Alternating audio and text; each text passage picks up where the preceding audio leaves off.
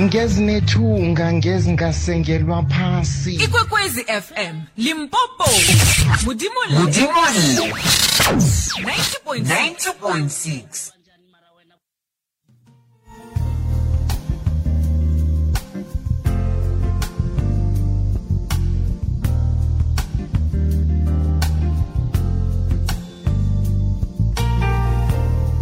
imisebenzi emihle yamahole emlaleli saba mabalengwe sikhambe siyokukhuluma no-isaac thubana sizwe bona-ke usiphatheleni namhlanje lotsha thubana omkhulu mthombothi ngiyavuma um kunjani ngapho mna kwethu ngiphilile uphile njani wena awa nokho sisisanitizer nemfone sazifaka hawa mna kwethu ngiyakuvuma um imtata wami lebe ingasebenzi soloko ngifike la nakufika wena iyasebenza kanti kanti boyibambeleni khutshele thina boyibambeleni imtata yeyi hawa sungibophelela nefele um eh, ngilalele ingoma nayo esathi ugadunga nje eh, yazi kunomuntu nomuntu engimazi kwe-nickname bakhe ongumabaleko shi aha mthombothi um eh, angitsheki izibona lezo nakuthi ngiyakwamukela namhlanje siphethe indaba ye-record keeping indaba eqakatheke khulu kwamambala khulukhulu-ke kibo sobhizinisi abafunako ukuthi bakhule ebhizinisini siqhisela-ke bona usiphatheleni ngithokoza kamnandi ke nokho baba umthombo odigodi kungolwesihlanu kungolwesithathu omunye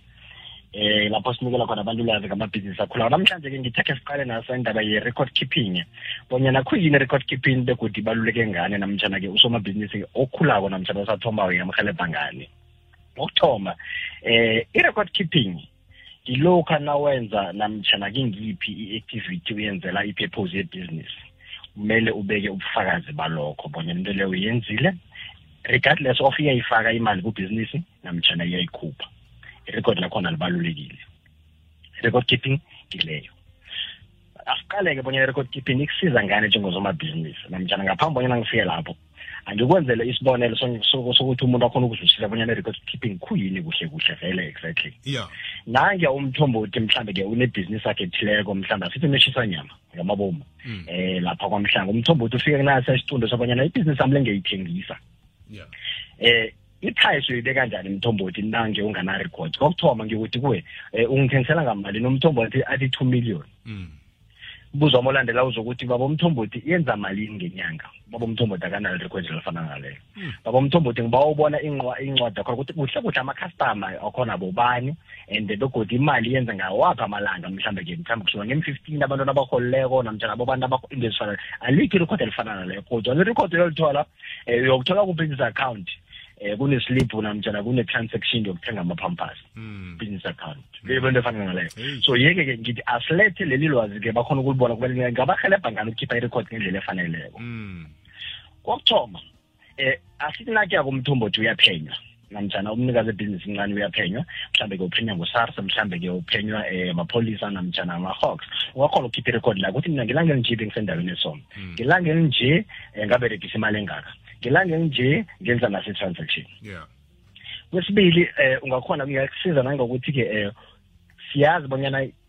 qobe kuphela unyaka ibhizinisi nebhizinisi kumele yenze incwadi namtshana ivale incwadi zawo um eh, namtshana bazinikise kuma-accountant bayozi-audita le nto siyibiza bonamele yi-auditi hmm. kulapho-ke uzohelebheka khona bonyana ungasolo uyohlela nama-accountant imini yoke batsho incwadi ziya-audita ngombana irekhodi lokhe ulikhiphile incwadi zakho zihlobile hmm. uzokusiza ngento ezifana nalezo begodi-ke kuzokwenza bonyana kube lula bonyana uthole isizo lemali namtshana isekelo ngemali kumafanda nanyena kungiphi ifanda zilona incwadi zakho ziqaleka namtshana-ke zinerekhodi nobufakazi obuthileko ngenza isibonelo um umuntu usuka mhlambe-ke ibhizinisi ayayirhaba ukusebenza kodwana usuka mhlambe lekhaya le usuka emehlibhek umuntu uza ngedorobheni mhlambe-ke uzokulalela i-tender briefing nase utender ukusuka ekhaya uye edorobheni ukhambe ngemali yeah. nakafika lapha mhlawumbe lokwathenga nokudla qina inilibhe ezifana nalezo nawufika ekhaya uzirekhode encwadini nakho mhlawumbe kuma-expenses ngombana kuyimali ephumileko nange imali engenileko eh uzozifaka-ke kumali engenile ku-income into ezifana nalezo mm. eh yeke nje siyazi bonyana woke malanga kuhlala kuthiwo namtshana sihlala ama-requirement wama-funders bahlala bafuna ama-financial ama-audited financial statement angekhe mntakababa ube ne-audited financial statement ungana-record keeping akukhonakali mm. kufana nokuthini kufana nokuthi ufuna uba nomthangala wendlu ungana-foundation mm. akukhonakali yeah yeke-ke ibaluleke khulu bonyana nesilibhi esincane mhlawumbe-ke othenge ngaso iimpikiri zokokodela i-shelf mm. eh le le mhlambe ke le business yakho sibeke nayo i-expenses yebhizinisi leyo ngoba nana ngengiqale kuhle baba umthombo ukuthi abantu abaningi ba-undermina indaba mhlawumbe ke yokufana uthola umuntu une-internet internet cafe kodwana uberegisa ama-data lapho ama-datas akawabhajeteli namtshana ke irekhodi lakhona alikhipha kuyakho lubone bonyana ke elke nyanga namtshana elke veke uthenga ama-data hmm, hmm. akalibeki irekhodi elifana naleyo asiqale ke lapha nasiqale indaba ka-sars bonyana-ke usars naye ungakhona bonyana-ke usebenzisane kuhle nairekhodi lakho usebenzisane naye kuhle nangerekhodi lakho ulibeke kuhle njani usars kuyenzeka esinye isikhathi ke nasewenza imali ebonakalako mhlawumbe i-actcharge ubone ngathi uyangu-overcharge yeah ungakhona ukuthi uzi-avoide into yezo nawunobufakazi obuphathekileko ngoba uzokutsho ukuthi mina ngelanga elinje ngenza nje mm. ngelanga elinje ngenza nje napho ubufakazi bakhona ngento ezifana nalezo begodi nangebhizinisi akho mhlawumbe-ke kunabantu mthombo uthi abarejista amabhizinisi abo mhlawumbe ngo-two thousand and thirteen omuntu orejista ngo-two thousand and seventeen azange-ke asebenza amabhizinisi awo ngisho nakanye bekube nje mm. mm. kodwana abantu bayawenza imizamo bonyana amabhizinisi abasebenza umuntu uyasuka ekhaya ayokufuna athenda ama-tender briefing umuntu akuhambe mhlawumbe-ke um ayokufuna ayokuhlangana nomunye umuntu kube nomhlangano azama ukucreate namtshana ukusectora i-certain eh, business opportunity mm. zonke lezi zinto lezo lirekhode okosa ulibeke ulikhiphe lelanga ibhizinisi yakho yenza imali usars ekafuna ukuthatha imali yakhe uyamvezela ukuthi isars so ibhizinisi lami erejiswe ngo-2013 so ngo-2013 bekufika u-2019 mm. namtshana u-2021 mm. kukulapho bengenza khona ilosa khange khe ngenze imali napho ubufakazi belos yeah. lapho uyomkhombisa khona ke iinlibhu zakho izake umkhombise nako konke obufakazi mhlawumbe ke ama-bank statement bonyana ukhiphe imali wenzani wenzani wenzani mm. usars kule mali bekumele kutekise yona uyokuzwela athi le oyenze ngayo ilos ayibuyele ngakuwe mm. mina ngisale nale mm. so konke lokho baba umthombothi kubaluleka namtshana ke ma-importance wale nto sibiza bonyana i-record keeping hmm. nange ebhizinisini mhlawumbe kungase wedwa unama-partners ni-record keeping izokuhalebha abonyana nikhone nokuthi nakufika isikhathi abonyana niyokushera mhlawumbe i-profit ukuthi ukuthi mina-ke eh, um okay i-profit siyayishera nasi fifty fifty percent kodwana mina ngelanga lisongathi ngathatha imodera namtshana imali abantu abami ngayifaka ebhizinisini ayibuye nali-record lakhona napho nobufakazi bakhona hmm. ingazibonyana baba umthombothi unemfakela na namtshana umbuso yazi thubana akabi akayo kuba mfakela kodwana ke seku buyekeza mhlambe okuvezileko okukhona ngendaba yokuhlola phasi eh yeah. kaningi vane ngibone eh abosobhizinisi abafana nalaba esibabiza ngabo my friend abazithengisa abathengisa ama cell phone eh nama electronics gadgets amaningi la siwabonako eh entolo zabo bane bane notebook eh abayiphetheko nawuqeda ukuthenga nanyana ngiyiphi item oyithengileko kungaba yi phone pouch eh yeah. batlola phasi ukuthi kuphume mm. ipouch enjani yehlobo liphi bese mm. imalini um engenileko njalo njalo konke lokho ilanga nelanga umuntu lo unencwadi yakha itlolako ngifuna ukuthi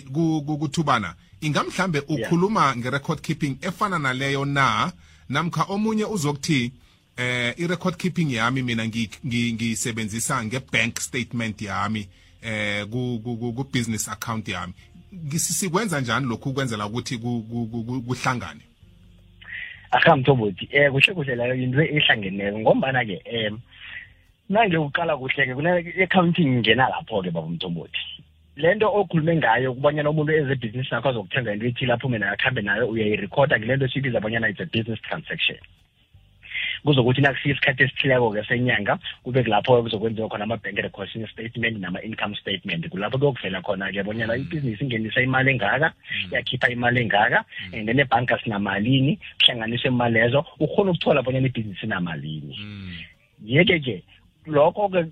kuveza ukubaluleka kwe-record keeping esikhuluma ngayo le ngombana nakho kuzohelebha kubonyana ukhona ukubona i-strength sebhizinisi yakho bonyana ibhizinisi ami liqine ngakuphi namtshana ibogaboga ngakuphi mm, mm. aha ngikuzwile thubana okuningi ngakimi anginakho ndodekhethu sesiqedelela asibatshele bona-ke utholakala ngayiphi indlela mhlawumbe umlaleli angaba nombuzo namkha adinge ukubuyekezwa okuthileko ngelwazi esiliphetheko lanamhlanje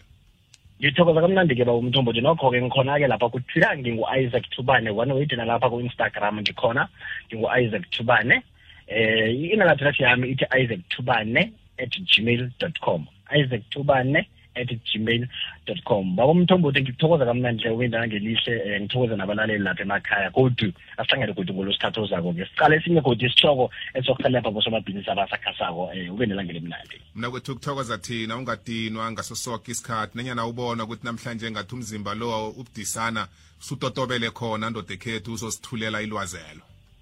thokoza mina ba umthombo wena nangento engenzani ibonakala benemini emnandi hake ngu-isaac thubana mlaleli ebesikhambisana naye ungalandela i-podcast yethu ku-www ikwekwezfm co za ngikhuluma nawe nje yaka-dr masombuke bengikhuluma naye eh lapha ku big question lapha embuzweni wethu welanga seyikhona eh ungayilalamela ukwazi ukuyithola ulalele namanye amaningi ama podcasts wehlelo sidishile la ungafuna khona ukuthi mhlambe uwalalele ulapho nalabo ofuna ukuthi ke bezwe indaba esizikhulumako kusemini nje siyokuzwa iwumo lendaba lesimbi ikhingitikele imzuzu emashumi amathathu ngemva kwesimbi yesibili ngale kwalokho-ke sokubuya ngeze covid-19 silalamele godu nendaba zokuthi udleni namhlanje udleni namhlanje angikhulumi ngomratha nesitshebo umntwana ekhaya ngikhuluma ngokudla komoya